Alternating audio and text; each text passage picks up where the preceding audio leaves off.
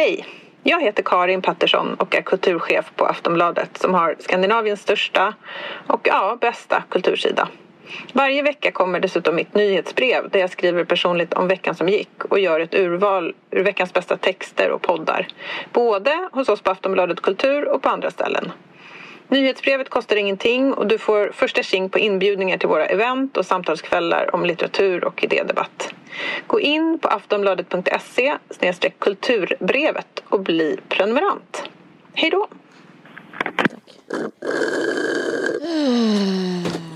Um, I don't know. Är det din dator? Har du och jag lika, köpte du och jag simultant varsin rosa dator? Jag är också ny. Ser du? Den är exakt likadan. Vi säger ju det. Gud, tvillingar. Fan vad sjukt. Och jag har på mig exakt samma sak som du hade på dig när vi poddade här senast. Mm, så himla gulligt. Liv sitter här framför mig. Ja. Mm. Så det är celebert besök i huvudstaden. Celebert besök i huvudstaden. um, Ska vi dra Ja. igång den här poddjäveln? ja, vi gör det.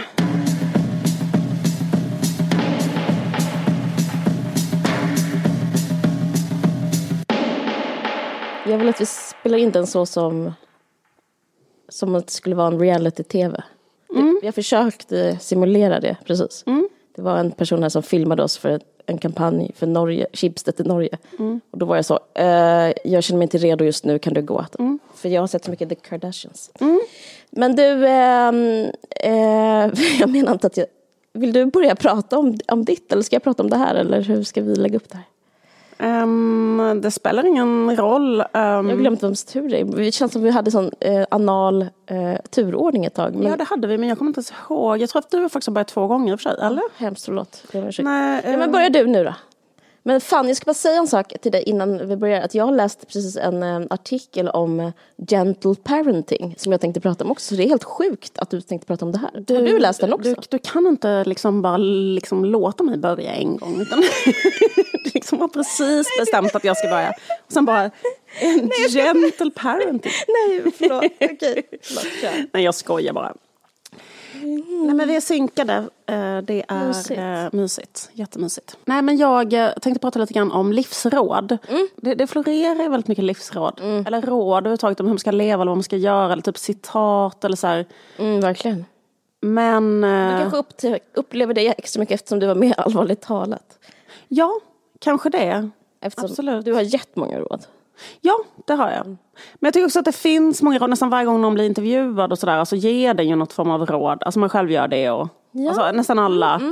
Eller så här, hur har du gjort med det? Och, Mm, Just det. Ja. Ofta, och, Jag och, älskar att läsa det. Ja. ja, man är ju idel öra, för man vill ju ha råd. Mm, Men eh, jag funderar på det lite grann, vad är ett bra råd? Eller vad är liksom en bra devis att leva efter och sådär? Mm. Jag tänkte på det nu lite grann, eh, en aktuell sak är att Madeleine Albright precis har dött. Mm. Eh, Hon eh, var ju då utrikesminister i Bill Clintons regering. Mm. Hon blev det 97 kanske? Eller något liknande. Okej. Mm. Men i alla fall så är hon någon form av ikon för en viss typ av feminister och har varit liksom en slags girlboss som har liksom eh, och mycket för att hon har sagt det här då, eh, väldigt så bevingade eh, livsdevisen. There's a special place in hell for women who don't help each other. Oj. Slow clap i studion. Men ehm, då liksom ehm, i samband med hennes död så var det en intervju med Margot Wallström i uh, Godmorgon världen. Där hon liksom lite grann skulle så äh, ponder upon the legacy och sådär. Och eh, grejen eh, med eh, Madeleine Albright är väl att hon var ju väldigt liksom, till exempel så var hon ju eh, eh liksom eh, eh kan man säga för de här sanktionerna som USA gjorde mot Irak under jätte, jätte, jättemånga år. Vilket liksom, eh, hon var liksom en hök i utrikespolitiken. Vad bra det blev. Precis, exakt. Hon sa till exempel, eh, ja men det, hon sa ett jättekänt citat, det här citatet sa hon då om, om, om sanktionerna i Irak. Hon blev intervjuad i CBS 60 minutes. We have heard that a half a million children have died. I mean, that's more children than died when, when in, in Hiroshima. And, and, you know, is the price worth it?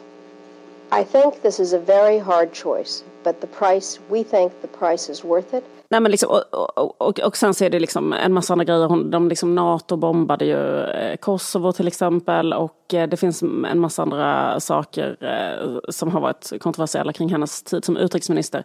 Att Rwanda, folkmordet i Rwanda hände och att USA kanske inte ingrep tillräckligt tidigt. Alltså det är liksom en massa olika sådana saker. Ehm, och ehm, det jag tänker på liksom med ehm, När, när, stack, när avgick hon? Det måste väl ha varit när... Men sen så var hon faktiskt med i... Ibland fortsätter ju de. Alltså de fortsätter på nästa presidency. Just det. Men eh, precis. Jag tror att hon jobbade också på FN Ja. efter det. Med någon annan sån här grej. Liksom. Ehm, men jag tänkte på det med det här eh, citatet. eh, There is a special place in help for women who don't help other women. Att det liksom, ehm, det blir liksom, eller så här, det är ju såklart ett helt, ett liksom barockt citat att använda i hennes position för att det blir som att då, om man inte tyckte att det var bra att de gjorde sanktioner mot Irak, så eh, är man liksom en dålig feminist, en dålig ally. Man ska bara hålla med vilken kvinna som helst om vad som helst. Ja, men de civila som hon dödade, de kvinnorna där. Eller ja. Ja, det vore intressant att göra ett gräv nu om hon har hamnat i helvete. Jag skojar. Precis. Är det här, är det, här det? hjälpt andra kvinnor. det är det här det- är.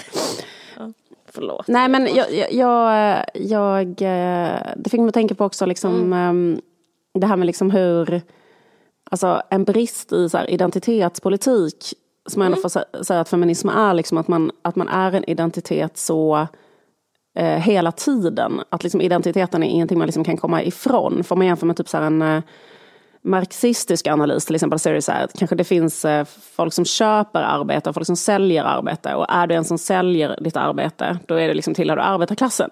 Men du kan liksom, när, om du då förflyttas upp i samhället och blir en chef, då är du eh, liksom en, eh, en person som eh, köper arbete. Du är liksom en arbetsköpare istället. Och då har du liksom eh, det är en sån föränderlig kategori som förändras var, var du är i samhället. Men liksom att... Eh, för feminismen känns väldigt mycket som en ideologi som liksom utvecklats från ett slags underdog-perspektiv där man har varit väldigt förtryckt. Och då är det klart att sådana här slags citat, typ att så här, vi måste stötta varandra och supporta varandra till att komma till positioner och sådär. Men om man då liksom har den högsta positionen och fortsätter att säga det här som egentligen är någonting som en underdog ska säga Nej, det är väldigt speciellt. så blir det väldigt konstigt för då är det bara så här en chef eh, och Säger en, en en, en slags... Ja, ja eller ha, sä, som, som redan eh, har eh, mer makt än nästan alla andra människor på hela, hela, hela klotet ska dessutom säga att ni ska också hålla med mig eller vem som helst om vad som helst. Eller du vet, det blir liksom en... Eh, om man är kvinna kan man ju använda det hela tiden om allting, Ja. vad jag än gör. så det, det är väldigt smart. Men... ehm, Men det är väl typ om någon kritiserar en så kan man använda det. Alltså typ Ja. om, ett, om man får ett så kallat drev mot sig Ja. så är det jätte, kan man bara säga det. För det liksom tystar den, den som kritiserar den. Är liksom, Verkligen. Sen så var då eh, Margot Wallström var intervjuad i Godmorgon Världen om eh, Madeleine Albrights eh, legacy och då eh, hon fick då liksom eh, frågan liksom vad eh, vad tycker du är ett så här bra citat eller bra råd att komma ihåg som Madeleine Albright har sagt? Och då sa hon eh, så här. Ja, men det är, väl, det är ju ett bra citat och nu vrids och vänds det på det där och, och uttolkas det. Men det finns ju andra också som handlar om att, att mod är ju att, att våga följa sin övertygelse och att göra det också när man får kritik och när det, när det tar emot. Det är eh, väldigt Mm. Så eh, hon eh, kommenterar ju här då att det här första citatet eh, har blivit lite kritiserat och sen så liksom tar hon upp det här, ett annat citat som, som hon tycker är bättre då, eller som hon liksom vill slå ett slag för som är någonting i stil med att mod är att våga och att göra saker för sin egen övertygelse även om man blir kritiserad. Men Sjukaste jag hört. Var Hitler? Eller jag vet inte, så konstigt. Ja men precis. Riktig Det är, ideolog. Nej men det är jättekonstigt. nej, men det är också ett jätte, alltså, eller liksom det jag vill eh, liksom på något sätt komma till var att det är så himla, himla svårt att ge ett bra livsråd. Ja. Alltså jag menar det här rådet låter ganska bra. Men det är också ett jättekonstigt råd. Eller det är liksom inte riktigt ett råd för det är så här, mod är att stå för sin egen övertygelse och strunta i vad andra människor säger. Alltså om man blir kritiserad och ändå göra det. Ja. Men det är applicerat på eh, Natos bombningar eller något sånt där. Kanske inte är, eller jag vet inte. Nej. Eh, nej men liksom, Det är jättedumt. Oj, förlåt. Så. eh, och så har jag tänkt på fler eh, tillfällen där jag tänkt på det här att det är svårt med, eh, med livsråd. Jag lyssnade på en eh, söndagsintervju med David Eberhard. Han var med där för att han eh, har varit i blåsväder. Han blev av, tror jag nu, med sin... Eh, Sin VD-post. Sin, ja, precis. Han har varit eh, eh, han typ överläkare. Han är ju psykiatriker. Men han stannade på jobbet. Ja, precis. Men han har inte här, samma chefsposition kanske. För att han gjorde en eh, väldigt kritiserad eh, reaction-video på eh, Bianca Kronlöfs eh, Min sanning. Där hon berättar om ett övergrepp som han gjorde tillsammans med Aron Flam.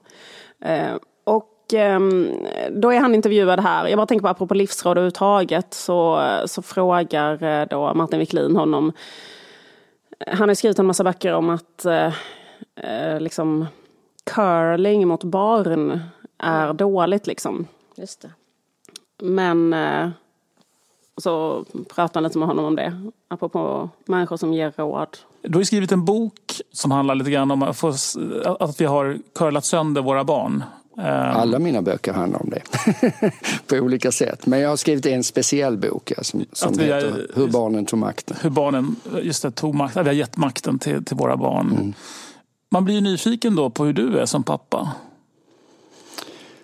Ja, jag är väl, alltså återigen, eh, det är svårt att uppfostra utanför kulturen man lever i. Eh, och vi har en ganska curlande kultur.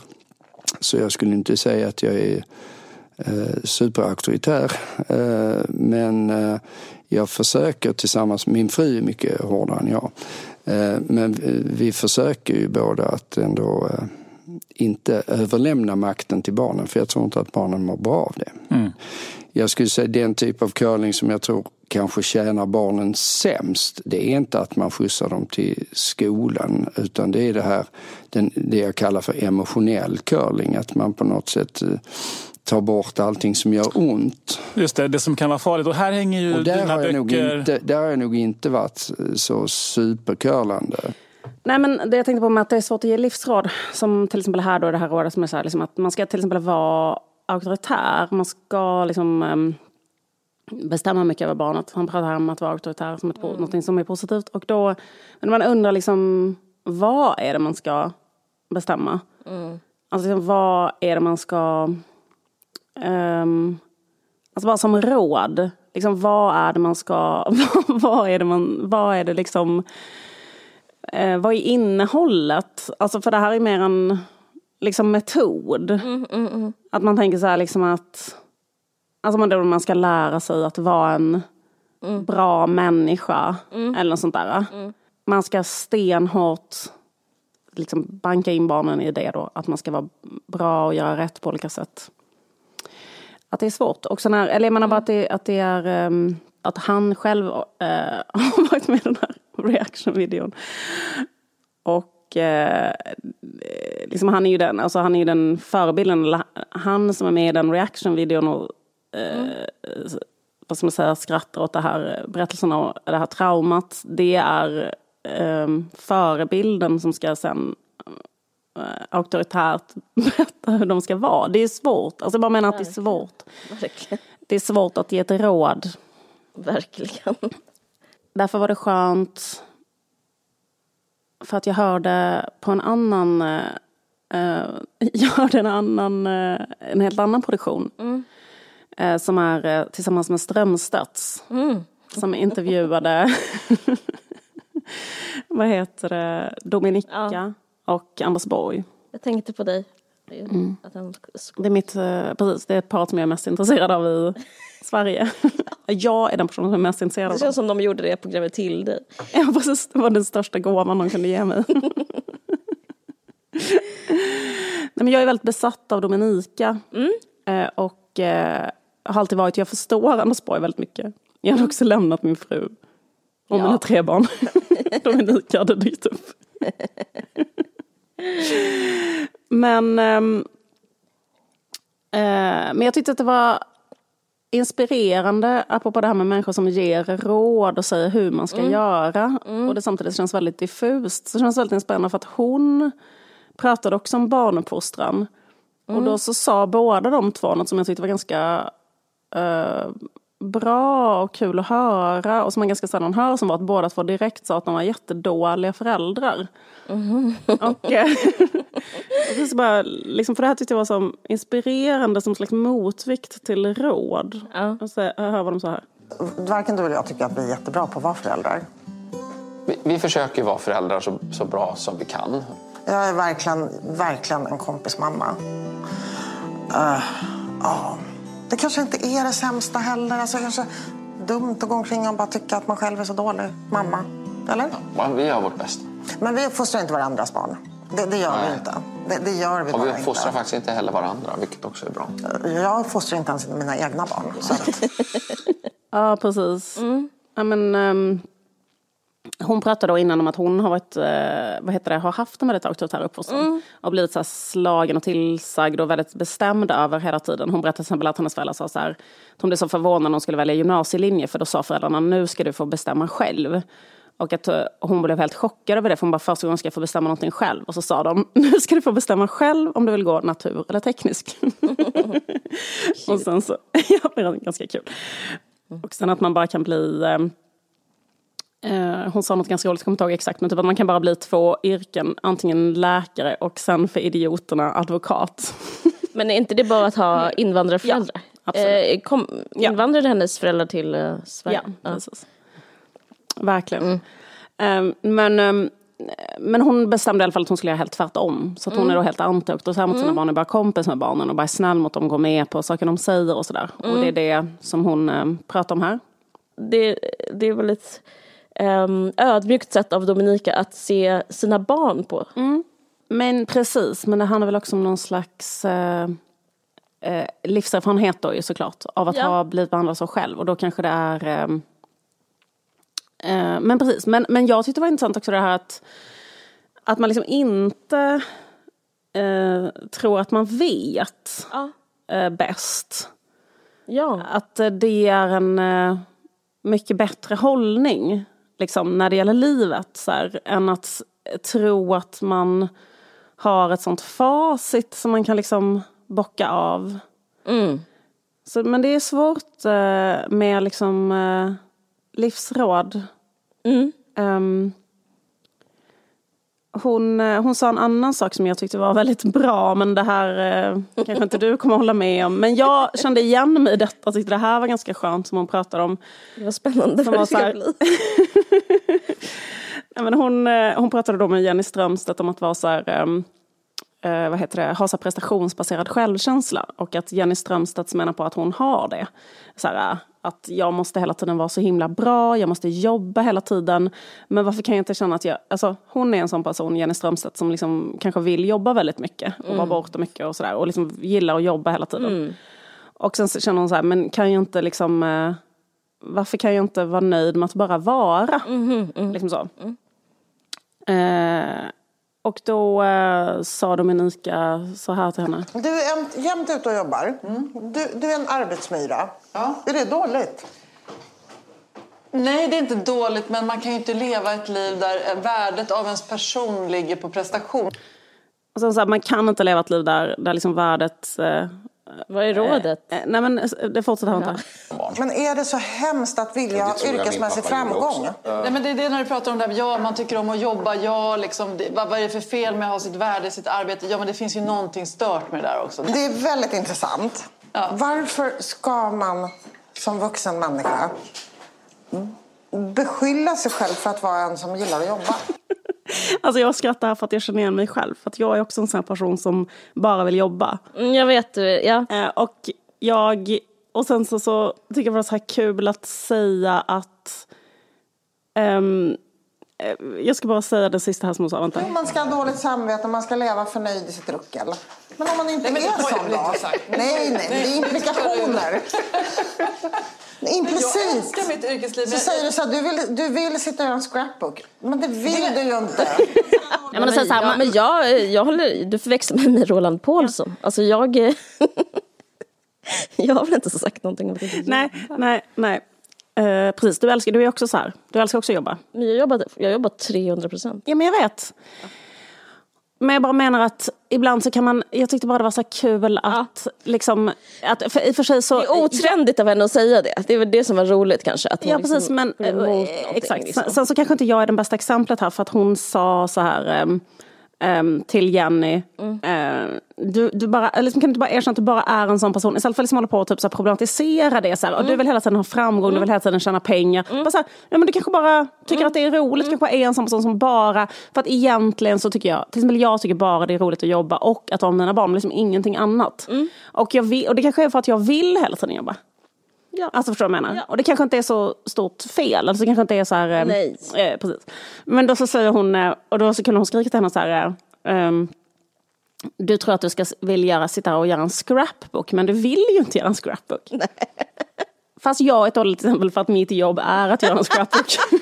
Verkligen. så att jag liksom sitter hela dagen och gör en scrapbook, men det är mitt jobb. men liksom. Det är sant. Så människor som är väldigt lyckliga och självförverkligade i sina jobb säger ju alltid så här, att de älskar att jobba såklart för att det är så här, mitt jobb är typ att vara med i Army of Lovers så det är klart att det är kul. liksom sätta på mig en jättefin korsett som Camilla Thulin har gjort. Alltså, Ja. Men det liksom- kan också, jag tycker det är intressant en annan sak som har börjat faktiskt komma nu på sista tiden inom psykologin. Att inte typ tycker det är fel att ha, också ha det dåligt. Ehm, det finns en ny bok som handlar om det av den här Anders Hansson. Men som, som är att liksom, till exempel, okej du har prestationsbaserad självkänsla. Ja, tacka dig själv för den.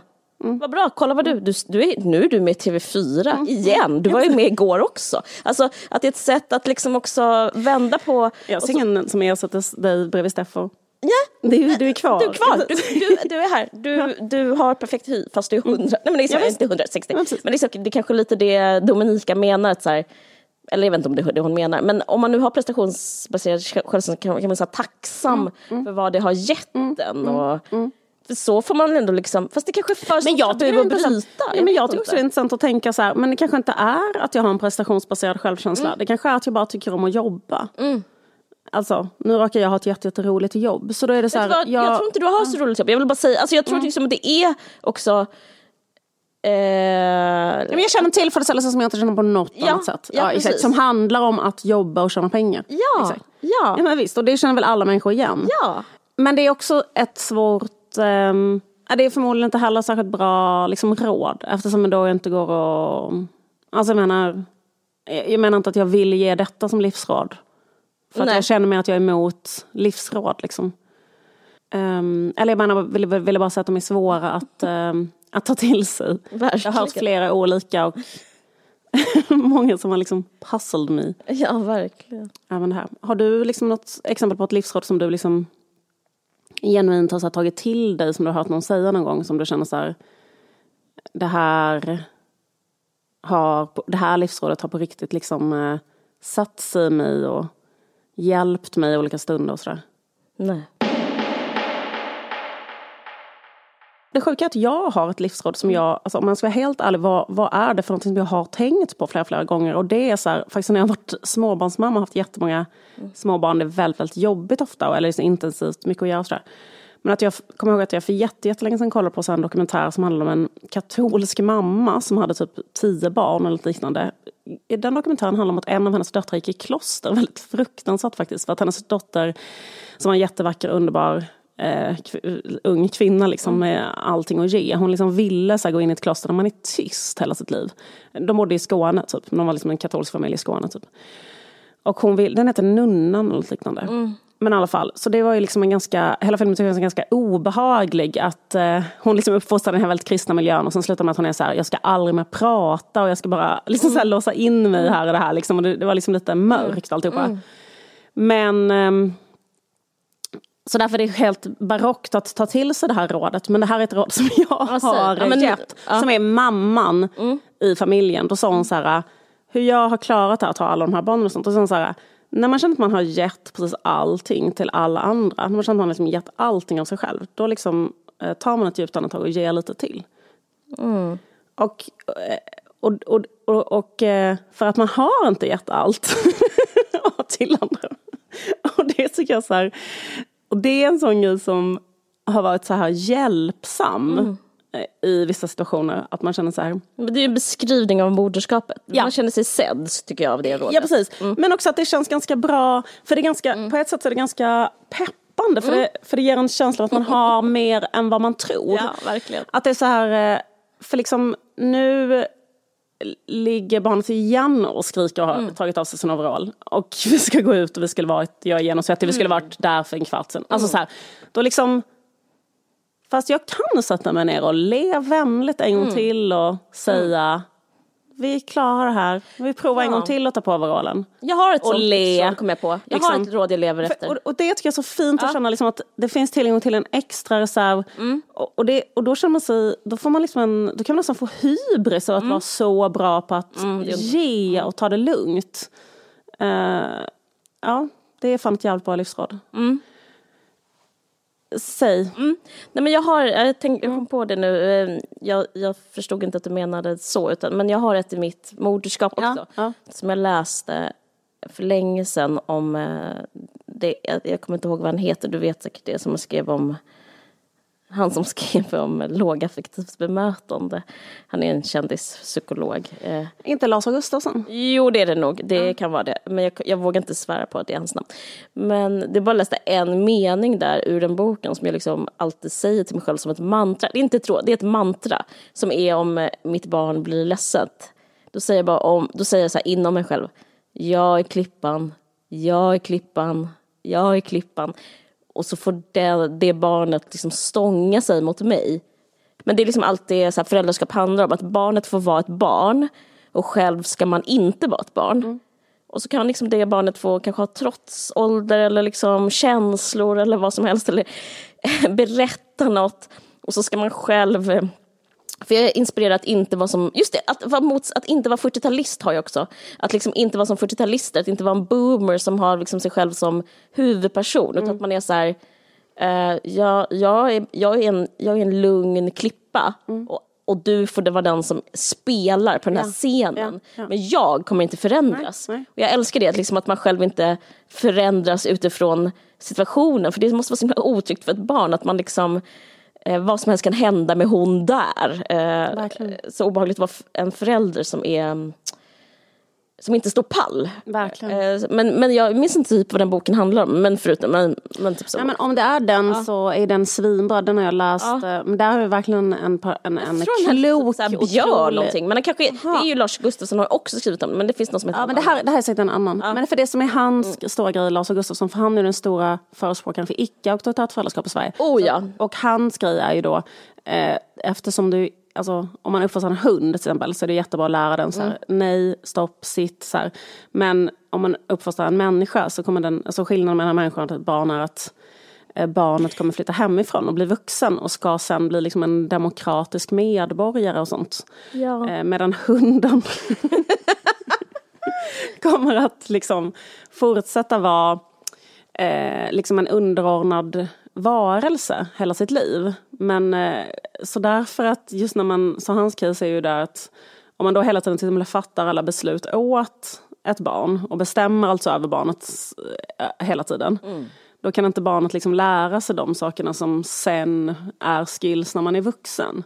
Att kunna så här, ehm, ja, bestämma vad man själv vill eller alltså demokrati, kunna säga emot, är det här något jag vill, eller det här är bra? Och om man, om man inte tycker det är bra så ska man kunna lära sig att säga emot och sådär. Så det är liksom hans, hans grej.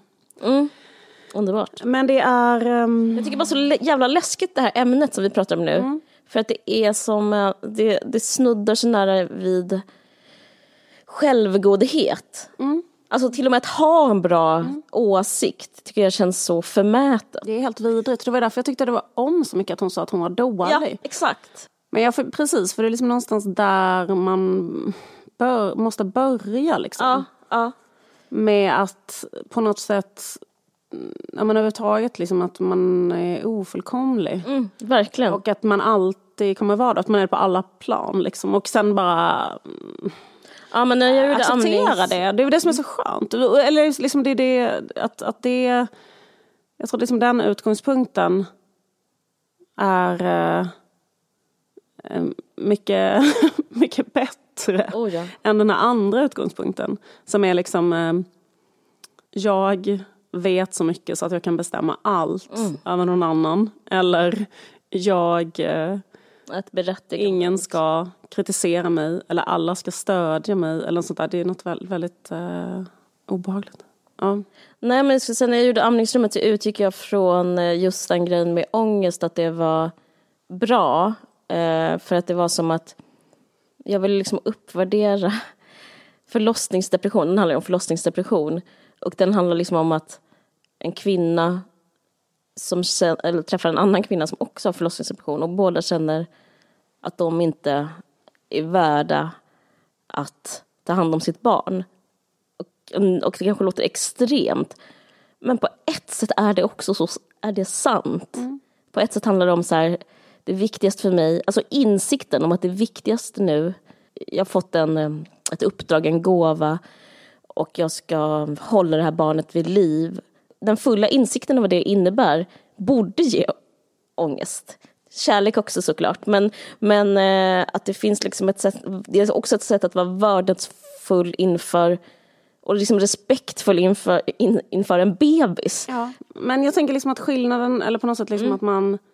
Att det finns liksom någon hållning som är så här, det finns ett ideal Mm.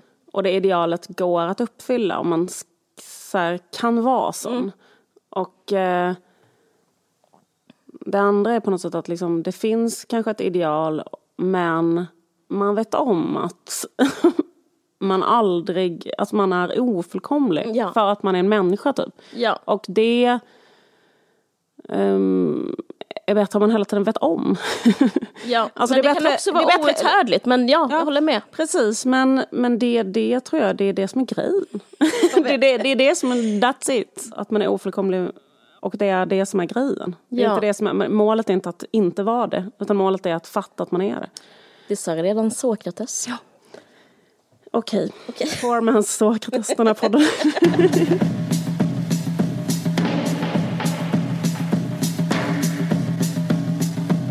Gud vad spännande och kul att vi har ett samarbete med Kungliga Operan och får tillfälle att tipsa om en jätte, jätterolig sak. Nämligen att den 27 och 28 april så kommer de att ha en konsert som heter Alla tiders Wagner.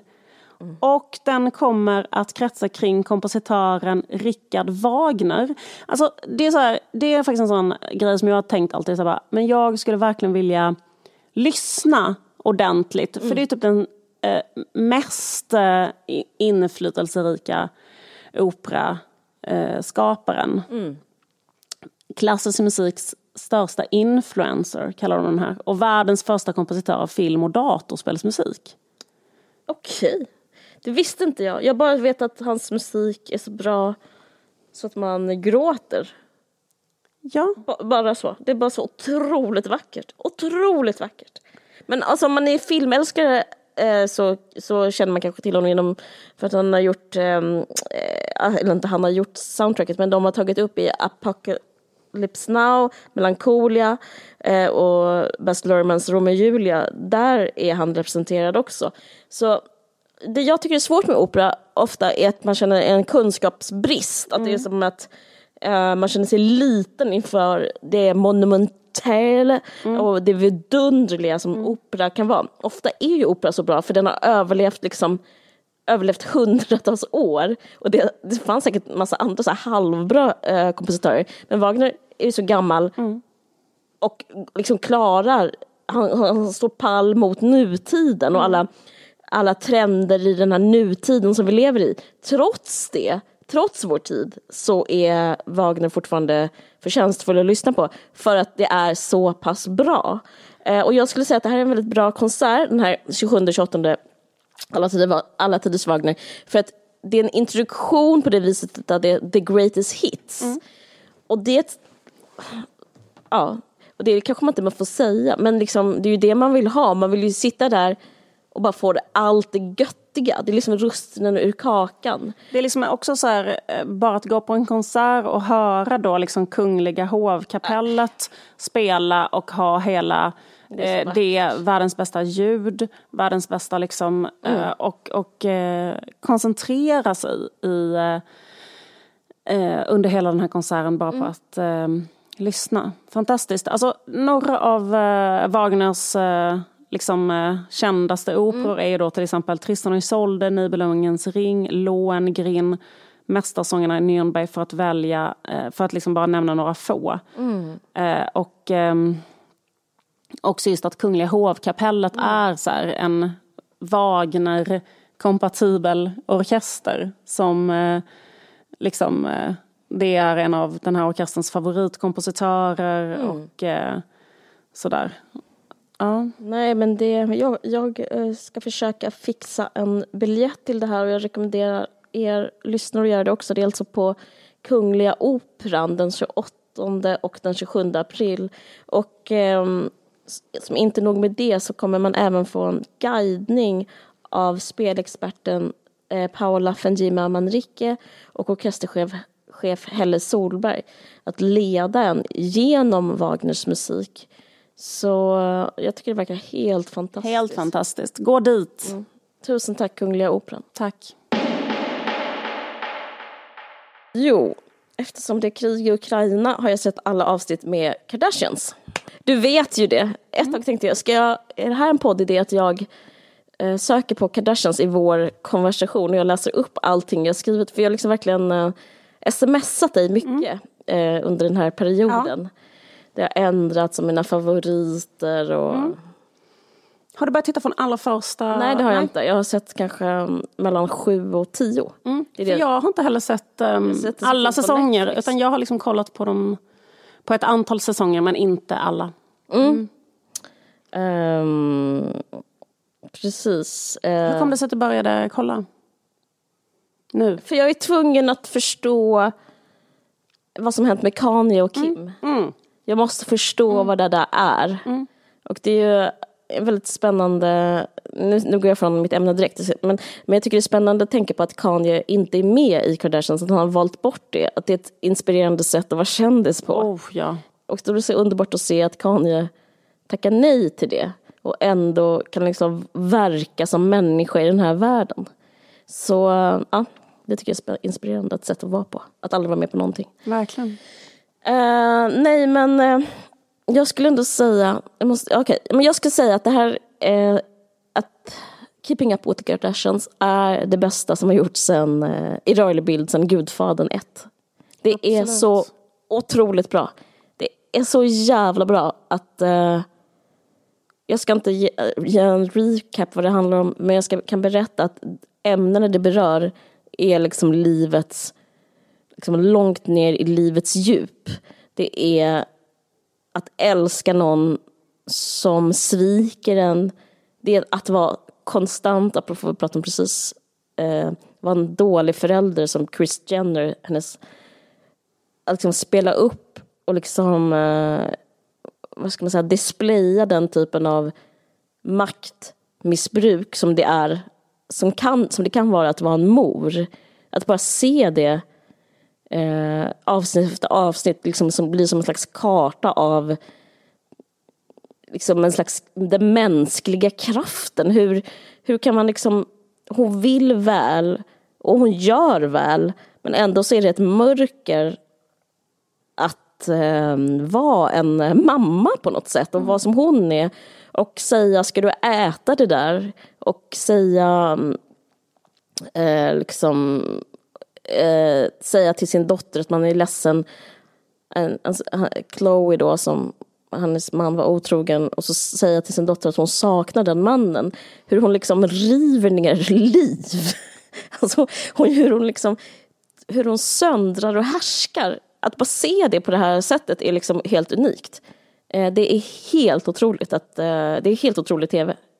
Eller liksom konst. Eh, det här, jag drömmer om det hela tiden. Alltså jag ser det exakt hela tiden. Och jag, i fredags var jag på opera, jag såg Figaros bröllop. Fantastisk på Kungliga Operan. Det var helt otroligt. Jag bara, öppningslåten, mina tårar bara forsar, bara sprutar. Och då tänker jag också på Kardashians. För de, för Figaros bröllop, kort handlar om att det är lite tjall med ett giftermål, en greve hit och dit. De är på liksom ett hov, adelsmän, Italien, 1700-tal, hoppas jag, det var, eller 1600-tal. Och eh, det är liksom hej och hå, massa tjall och relationer och någon har varit otrogen. Och att det är exakt som, som Kardashians, att liksom när alla behov är uppfyllda, liksom alla så här, vad ska man säga, eh, pengar finns och hus finns, då bryr man sig bara om eh, sex, relationer och makt. Jag tänkte så här, Karo, du får inte ta det för krystad um, jämförelse. Men, eh, så jag ska inte, det är inte det jag ska prata om, men jag, jag tänkte på det. Jo, eh, det jag tänkte prata om är att, eh, för jag tänkte så här, varför är det så bra? Varför är Kardashian så bra? Eh, och jag tror att det är för att de, eh, familjen Kardashians, tar oss, alltså tittare med på ett folkligt sätt in i postmodernismen på ett sätt som väldigt många andra eh, rörliga produktioner och även eh, typ romaner och annan typ av artefakt liksom inte lyckas liksom transcendera liksom in från att inte vara postmodernismen till att komma in i postmodernismen för att faktum är, vi lever i postmodernismen, vi lever liksom i en chatterad värld av eh, där sanning är liksom olika beroende på vem som du frågar. Och eh, det är liksom den enda ismen som makes sense idag. Men det som jag tycker är intressant med till exempel Kylie Jenner i ett förhållande till postmodernismen är att hennes utseende är pågående. Att den är liksom, att det är någonting som inte är på samma sätt som världen inte är. Alltså, jag upplever någonting Eh, och, det, och det tror jag är tillfredsställande som tittare att se på. Att och se hela de här familjen, att de hela tiden inte har en essens. Utan allting bara förändras. Och att det är, det är ett sätt att spegla någonting som nästan är ospegelbart. Eh, samma som med Chris. Eh, hon är liksom, vad är hon, 70 snart eller någonting? Nej men hon är jättegammal. Ja. Och både du och jag är äldre än Corey, hennes man. Mm. Men att hon också har en approach till livet som är jätte... Grejen jag vill inte heller liksom värdera det här som att det här är bättre än något annat. Jag bara liksom observerar hennes approach till livet. Att, det är liksom, att hon står utanför liksom, regler och normer. Alltså det beror ju på att hon har pengar. Så in the end of day är en klassfråga. Man kan göra så om man är rik. Men jag tycker det är intressant att se hur hon håller på med utseende. Att för henne är det, eller allihopa, att för, för dem är det bara liksom ännu en valuta. Och eh, de spelar upp den här valutan som rätt så hård i vår värld. Liksom, så länge man har pengar så, så kan man eh, hålla på med den här statusen. Och de, de som mår bäst kan vara snyggast. För det, är liksom, alltså det handlar inte om så här, det här är du född med, typ, utan det handlar bara om det här, så här mycket pengar har du. Och de som mår sämst ser också sämst ut. Och det tycker jag, de avsnitten som jag har sett eh, handlar rätt mycket om det. För det handlar om den här brorsan som är min favoritkaraktär. Förlåt om jag låter manstillvänd som har honom som, för eftersom det handlar om kvinnor. Men, eh, Chloe är också min favoritkaraktär, men, men, men Rob i alla fall. För det handlar jättemycket om att hans varje gång de pratar om hans, hur han mår pratar de om att han är ful och att han är tjock och att han inte äter bra. Och om man mår bra så är liksom det, som, som det man, då skapar man sig själv som eh, liksom vacker. Mm. Och, och att eh, Eh, de har hela tiden återkommit till hans vikt till exempel som, en, som ett bevis på att han eh, har liksom låg status och mår dåligt. Och själv så går han aldrig ut och han är inte med till slut för att han är så, han tycker att han själv är så ful. Och det är, liksom de, det är som att de beskriver världen liksom right there. Det är väldigt brutalt. Jag säger inte att det var därför, men bevis på högt i tak och hård kapitalism. Att Money Talks är att Bruce Jenner genomgår sin transition. Alltså, jag tycker det är spännande. Identiteten är flytande menar du? Ja, den är liksom så här plastisk. Mm. Och den är liksom utseendet hur de displayar sitt utseende. Att utseendet är två saker. Det är så lera och det är pengar. Det finns ingenting. Det, det, är, det finns inget es, es, essens där.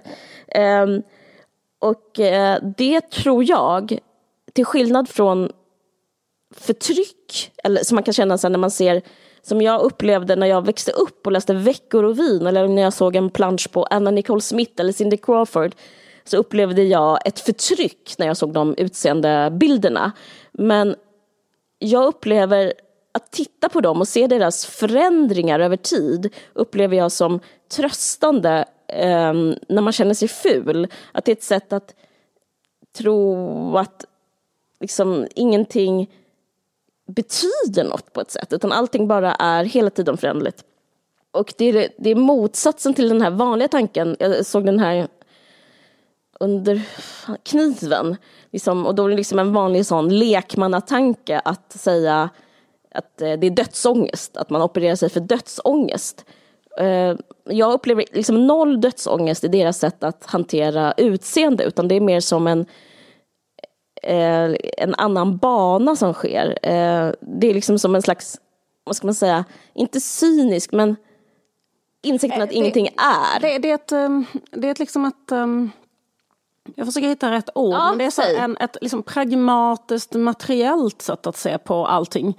De är liksom förnufts... eh, alltså de, det finns ingen um, så här liksom eh, kon, konstig, eh, intellektuell, andlig, eh, liksom, eller vad ska jag säga, utan, utan det är liksom mer så här liksom som att eh, här finns en hammare, här finns en spik och här finns en bräda. Liksom så ser de på allting. Ja. Också liksom sin kropp eller sin... eh, ja, Ja, och lade du märke till att a- alla där om och om igen kommer fram till och säger I I don't believe in therapy. I never went to therapy. Um, I never been to a shrink. Ingen tror på terapi. Det tror jag de har helt rätt i. Ja men det är, skulle jag säga, förlåt alla eh, psykologer, men det tror jag är framtiden. Absolut. Eller hur? Det är så jävla spännande och starkt att lämna den typ av sätt att se på livet. För det är att inte tro på terapi som de liksom är Don't deras... try to fix something that can't be fixed, skulle jag vilja säga. Alltså jag menar, för att återknyta till det vi... Utan istället bara embrace och äg det. Ja, dels det, men också typ att... um, vad ska man säga? Det finns inte så här... Liksom, alltså, när man inte tror på terapi, då tror man liksom inte på att det ena leder till det andra. Utan man tror bara på framtiden. Man tror bara att, på att skapa. Eh, man tror inte liksom på att eh, det, blir, det, det blir någonting av något som har hänt, utan då tror man bara på nästa steg hela tiden. Och så är det med sitt utseende också. Men då är man föds med smala läppar. Frågan är, hur kommer du sminka dig just nu? Du kan, du kan overline, som det, ett nytt ord jag har lärt mig, att man overlinar, att man sminkar sig utanför. Eller man kan göra plump it up, som de pratar om ett helt avsnitt när eh, Kylie gör, första gången gör sin lip, lip fillers. Och det tycker jag är så intressant, för då skapar hon sig själv där. Då, då bryter de med liksom hela vår historia. Eh, det är därför de är inne i den nya tiden, skulle jag säga.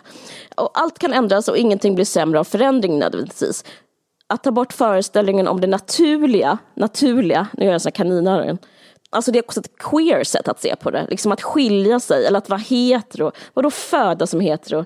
Frågan är, vilken är din nästa move? Ja, Det är liksom ett, ett otroligt sätt att vara så frigörande med eh, sexualitet och allting. Alltså det, det är liksom motsatsen till identitetspolitik. Mm, det är det. Jag tänker också på det att hon liksom, till exempel Chris, att hon liksom Mm. Gått igenom så många äktenskap också. Ja. Alltså liksom att hon, eh, och väldigt eh, hemska händelser också, liksom att eh, eh, hennes, eh, jag menar Robert Kardashian dog och eh, det var ju kanske efter att de hade skilt sig men ändå liksom eh, många sådana där eh, stora livsomvälvningar och hon har eh, landat som en katt hela tiden eh, och bara tar nästa och bara är kanske överlycklig med Corey nu. Alltså att det är en sån otrolig skill också att vara lycklig med Corey. Alltså kan du tänka dig människan som Men tycker att det tänkte det. är en Jag skulle jättebra relation? klara det. Nej, exakt. Jag Ingen skulle bara sakna Ja. mitt ex. Ja precis, men, men eller liksom att Men bara... ingen saknar sitt nej, ex här. Nej, precis. Utom um, Chloe Claudia är sämre.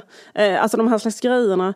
Jag, jag tänker både Courtney och Kim är sådana personer som kommer att liksom avverka så kille efter kille efter kille hela sina liv och vara så alltid eh, eh, gå på en Valentine's date och få en stor sten och sånt liksom hela sina liv. Men Chloe eh, har ju liksom eh, en mer, kommit in i en mer liksom mörk spiral av dålig självkänsla och liksom hela det här eh, jätte, jätte, jätte eh, liksom nedbrytande relationerna som hon har haft. Som, Mm. som, som kanske har eh, gjort att hon är mycket mer, alltså hon är mycket, mycket, mycket, mycket, mycket deppigare liksom än sin mamma till exempel. Men, men, men strunt samma. Mm. Men det är bara för att hennes mamma mobbar henne. Det är jättehemskt tycker jag.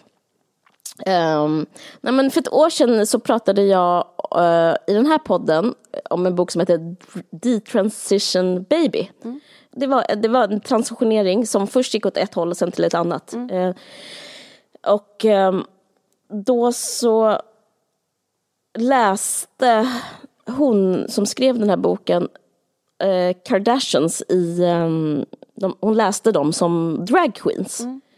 Eh, att de liksom, eh, när man draggar så lägger man flera timmar av att sminka sig, liksom fyra timmar om dagen typ. Och, och det finns liksom inget hår, det finns ingen hud, det finns ingen i, längd, utan allting bara är eh, någonting som man skapar och sen så skap, alltså man, tar bort, man gör det och sen så tar man bort det.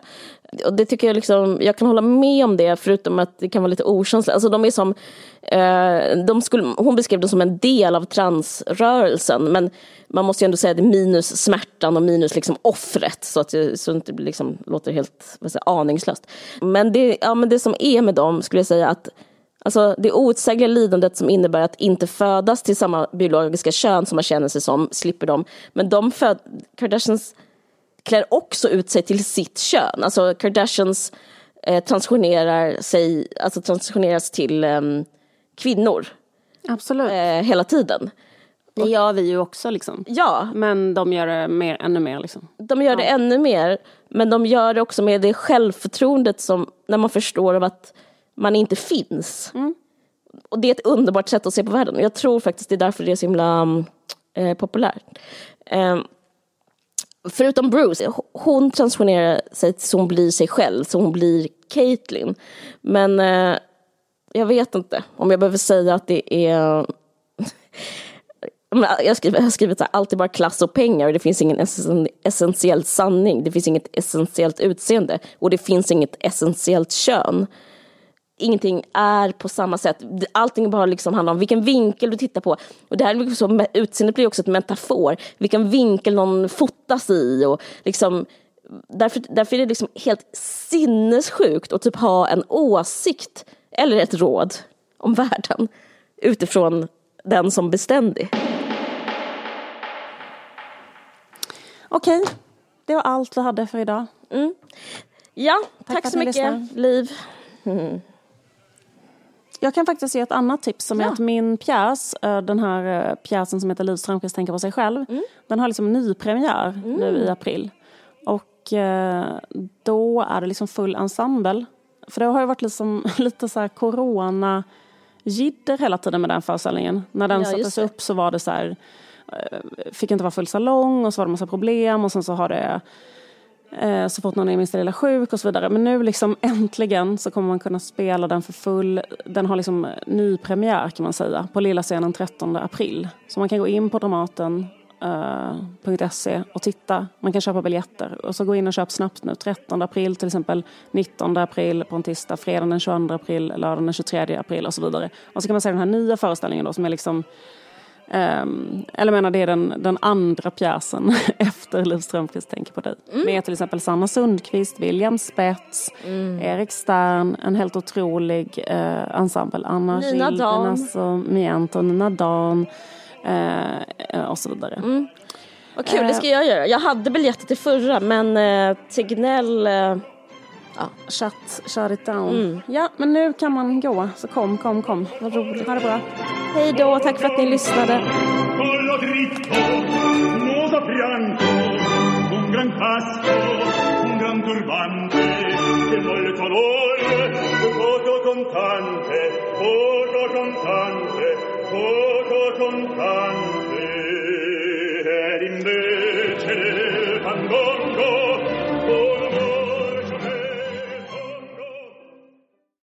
Du har lyssnat på en podcast från Aftonbladet. Ansvarig utgivare är Lena K Samuelsson.